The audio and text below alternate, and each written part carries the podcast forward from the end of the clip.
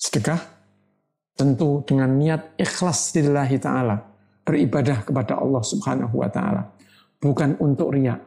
Bukan untuk membanggakan diri. Bukan pula untuk pencitraan. Dalam Al-Quran, Allah subhanahu, wa ta'ala telah berfirman. A'udzubillahi minasyaitonirrajim.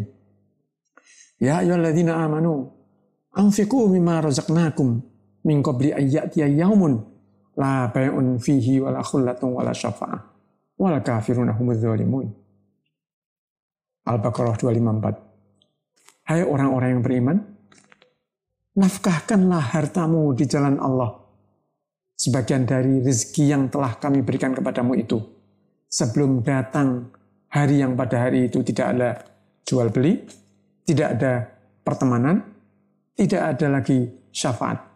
Dan orang-orang kafir itulah orang-orang yang zalim.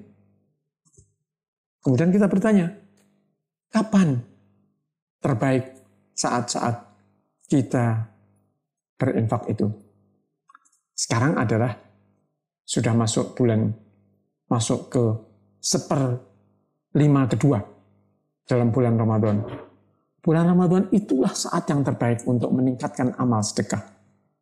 Baik itu memberi makanan untuk berbuka, memberi makan kepada orang-orang yang kesulitan, menginfakkan harta kita yang bersifat long life, yang akan berfungsi sebagai zakat, eh, sebagai wakaf secara otomatis.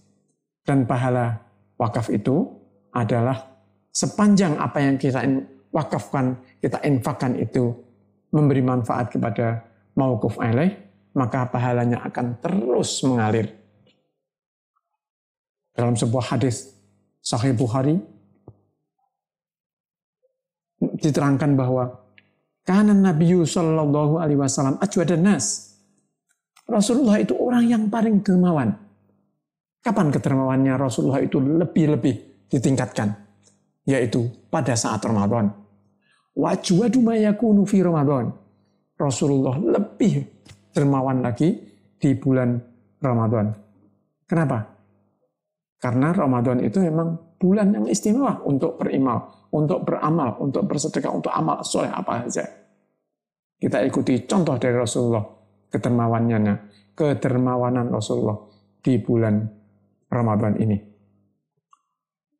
Wa ajwadu ma wa ajwadu ma yakunu fi Ramadan hina yalqahu Jibril, yaitu bulan Ramadan ketika Rasulullah bertemu dengan Jibril dan Jibril bertemu dengan Rasulullah setiap malam di bulan Ramadan mengajarkan Al-Qur'an dan kedermawan Rasulullah itu luar biasa. Itu adalah perbuatan yang baik, lebih baik daripada diumpamakan dengan angin yang semilir yang berhembus memberikan kenikmatan kehidupan. Marilah kita contoh, kita ikuti contoh-contoh dari Rasulullah Shallallahu Alaihi Wasallam. Ada contoh yang nyata dalam kehidupan para sahabat. Tidak pernah tidak mereka selalu bersedekah.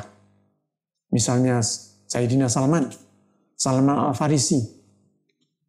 Ini dimuat dalam kitab Siaru Alamin Dubala, kitabnya Az-Zahabi, juz 1 halaman 547. Disebutkan bahwa pada masa tuanya, ketika Salman Al-Farisi radhiyallahu an sudah tidak menjadi pejabat lagi, beliau tetap mendapat tunjangan dari Baitul Mal senilai 5.000 dirham per tahun.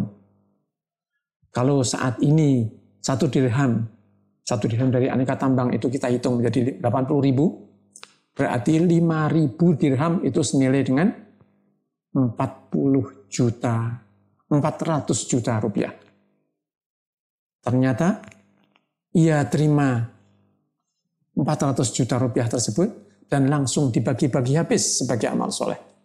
Sedangkan dia sendiri masih tetap aktif berproduksi, membuat alat-alat rumah tangga dari daun kurma dengan modal satu dirham, hasil produknya ia jual seharga tiga dirham. Satu dirham untuk modal produk berikutnya, satu dirham untuk makan keluarga, dan satu dirham sisanya untuk sedekah. Dengan ibadah harta, kemudahan demi kemudahan, akan dilapangkan oleh Allah.